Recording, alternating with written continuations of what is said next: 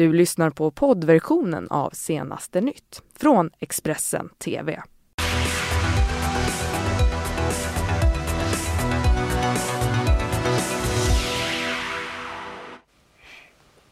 God morgon och välkommen till senaste nytt. Det är ju dagen efter EU-valet. Vi har otroligt mycket att prata om här. Max Marklund heter jag. Mm, och Ylva Johansson det heter jag och det här det är våra rubriker. Högerpartierna gick starkt framåt när platserna skulle fördelas till Europaparlamentet. Men desto dystrare hos eh, Socialdemokraterna som gjorde sitt sämsta EU-val någonsin. Och en av tidernas största hockeyskrällar är nu ett faktum. De finska lejonen tog hem VM-guldet efter att ha vänt underläge mot Kanada. Ja, det och mycket mer i våra sändningar här nu under morgonen. Men eh, vi börjar med att en matbutik i Trosa utsattes för ett rånförsök under gårdagskvällen. Det var vid eh, stängning vid klockan 10 som butikspersonalen skickade ett eh, överfallslarm till polisen. Anledningen var att ett eh, antal män hade forcerat entrén genom att köra in en bil genom den. Ja, rådarna misslyckades med det här försöket eh, men en väktare på plats hotades med ett eh, pistolliknande föremål. Efter det så ska rådarna ha försvunnit från platsen i två bilar var den ena sen hittades brinnande. Det säger vakthavande befäl på polisen Torbjörn Linkvist. Eh, polisen har nu inlett en förundersökning om grovt, eller om försök till grovt rån. Ingen person ska dock komma till fysisk skada. Nej, och med det så tar vi väl tag i nattens stora händelse i Europaparlamentsvalet. För eh, trots en eh, motig valrörelse med mycket turbulens så ser Liberalerna ut att klara sig kvar i parlamentet med minsta möjliga marginal. Samtidigt gjorde Socialdemokraterna sitt sämsta val också i eh, EU-väg. Ja, eh, och Moderaterna de blir eh, näst största parti ska vi säga, tätt följda av Sverigedemokraterna. Feministiskt initiativ däremot, de får ju eh, under 1% av rösterna och åker därmed ut ur parlamentet. Ja, blandade känslor överlag alltså, men eh, även partierna som eh, kanske rent objektivt gjorde ett dåligt val, de jublade när resultatet kom. Men jag bara vill säga det att man får ju också en flashback här från när vi satt här i september och eh, det nationella valet där också alla utmålade sig som vinnare. Så att vi lever ju också i en sån tid där det är enormt viktigt eh, att symboliskt också visa inför sina egna partiarbetare och också väljarna just att man framstår som stark. EU-valet bjöd på en hel del glädje men också besvikelse. Moderaterna blev nöjda eftersom de klättrade sedan förra EU-valet, knep ett till mandat i EU-parlamentet och blev det andra största partiet. Att jag är jättenöjd, jättekul. Vi hade en rejäl framgång. Vi hade två mål. Vi skulle växa från förra valet och vi skulle ta ett nytt mandat i EU-parlamentet och vi lyckades med båda sakerna. Så vi, vi gjorde som vi sa helt enkelt. Socialdemokraterna behåller sina fem mandat och är det största partiet men gjorde samtidigt sitt sämsta val någonsin. Det är klart att man alltid önskar att man hade ett möte till eller ett samtal till. Mm. Men nu har vi, nu har vi eh, fått väljarnas resultat och, och nu, nu kommer vi att jobba efter det.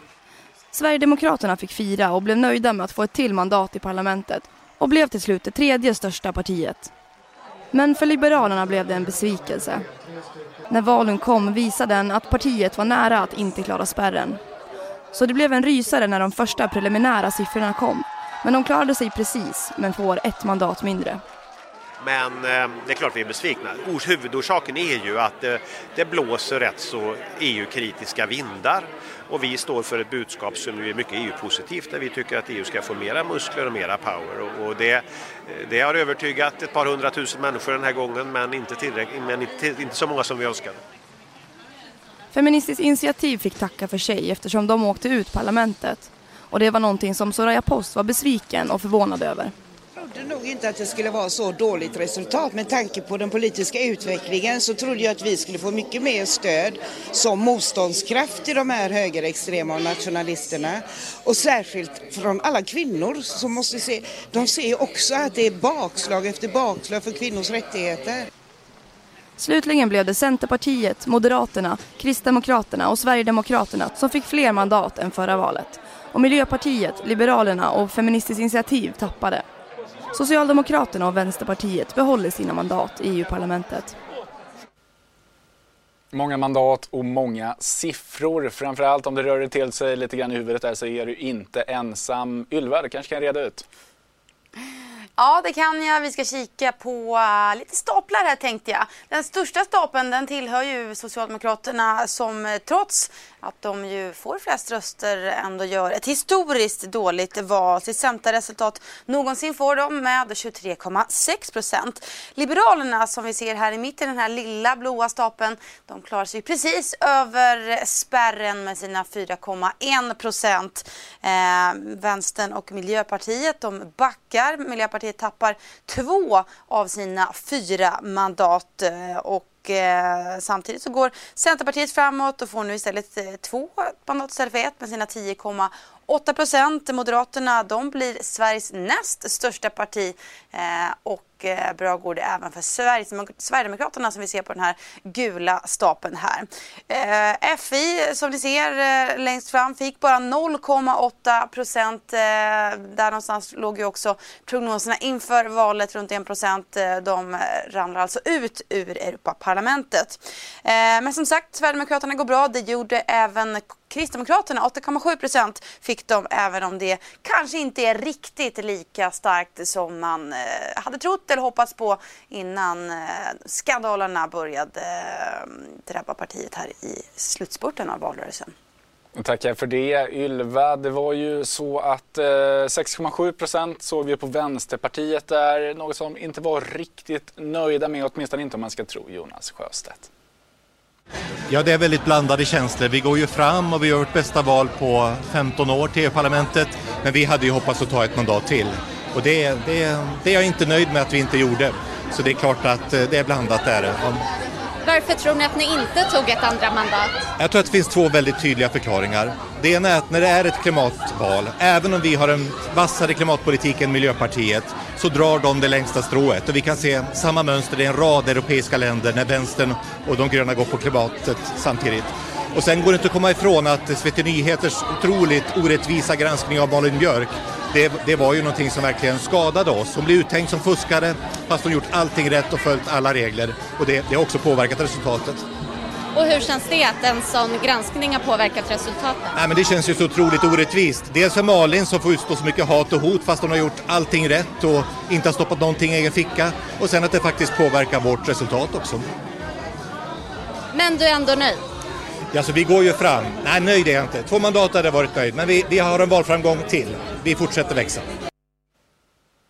Ja, apropå valframgångar där. Centerpartiet pekas ut som en av de stora vinnarna i det här valet. De eh, fördubblade antalet mandat från eh, ett som hade tidigare till två rent av. Kanske rent av på Liberalernas bekostnad. Men eh, Centerpartiledare Annie Lööf, hon var nöjd. Vi gör ju vårt bästa EU-valresultat någonsin och är det parti som ökar näst mest ikväll. Det är klart att jag är oerhört stolt. Det här är ju ett eh, fint kvitto från väljarna på Centerpartiets miljö och klimatarbete och den klimatpolitik som vi har presenterat i valrörelsens slutspurt. Ja, vad var det ni gjorde rätt helt enkelt? Nej, men jag är så glad över att väljarna gett oss så starkt förtroende och att vi ökar så mycket. Jag tror att man har uppskattat vårt miljö och klimatarbete, att vi har tagit kampen emot högerpopulism och Eh, Lyft kampen för jämställdhet, medmänsklighet och öppenhet. Och eh, det är ju det ledarskap eh, som vi står upp för med tydliga och starka värderingar men där vi också är beredda att kompromissa och förhandla för att nå politiska resultat.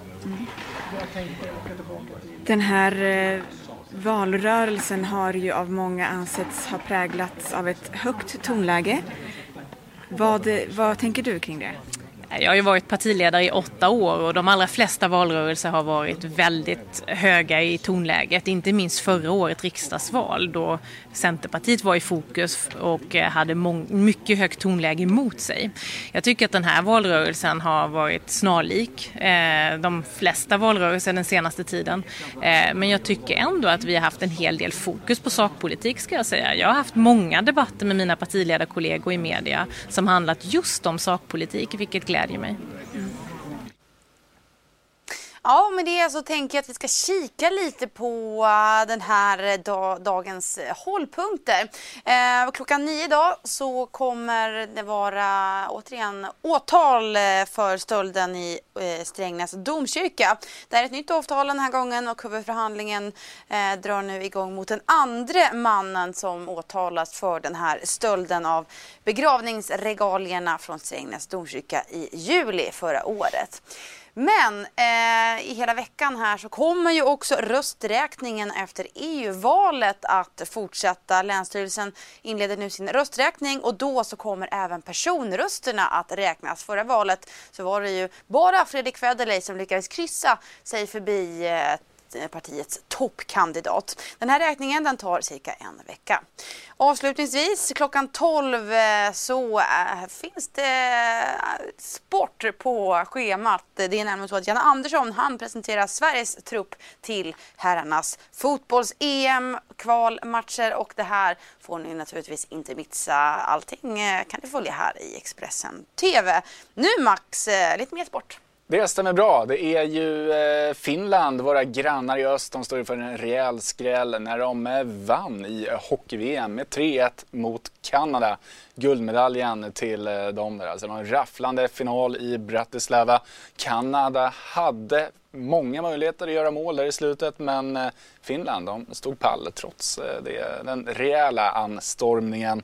Eh, och det är ju en eh, skrällartad resa Finland gjort i det här mästerskapet med en på pappret förhållandevis svag trupp i jämförelse med de andra länderna. Men man har ju både slagit ut Sverige, som bekant Ryssland och till slut så tog man även hem finalen alltså. Sportexpressens Filip Gadd och Thomas Pettersson de sammanfattade den här kvällen så här. Finland är sensationellt nog världsmästare i ishockey efter seger med 3-1 i finalen mot eh, Kanada. Ett Finland som gjorde det mot alla odds. Thomas, hur stor sensation är detta? Eh, magnituden är enorm faktiskt. Det är ett, eh, en sinnessjuk bedrift de har stått för det här finländska laget som bara har växt för varje match som har gått i stort sett. Och det de har gjort här i kvartsfinalen mot Sverige, semifinalen mot Ryssland och nu i finalen mot Kanada Äh, det, det är sjukt. Eh, I VM-sammanhang har vi nog aldrig sett något liknande. Och det finns ju såklart väldigt många stjärnor och hjältar i, det här laget just nu. Men vi måste ändå prata om Marco Antila, eh, kaptenen som kliver fram med två mål och blir nu någon form av eh, landsfader i Finland. Precis, den är väldig man, han är till och med längre än vad jag är. Alltså kan ju se ut som en, en ganska långsam finlandsfärja där ute på isen. Har gjort det i SHL tidigare, men alltså som han spelade den här matchen, den här finalen. Antila ägde isen och proppade Kanadicke, gjorde två mål och det var han som avgjorde semifinalen också. Äh, det är helt fantastiskt alltså. Där har Finland en eh, ny presidentkandidat. Och eh, festen har bara börjat här i Bratislava och lär fortsätta eh, även borta i Helsingfors. Ja, vad ska vi säga? Hela veckan kanske. Det här kommer eh, ta lång tid för Finland att smälta. Ännu ett eh, VM-guld alltså och som man gjorde det här i Slovakien. Ja, men vi får väl eh, skicka våra gratulationer där. Hatten av för Finland, alltså succéartat VM där. Men eh, det kanske räcker för oss här, Ylva? Ja, jag tror vi tar en kort paus. Eh, men mer nyheter hittar ni ju såklart som vanligt på Expressen.se.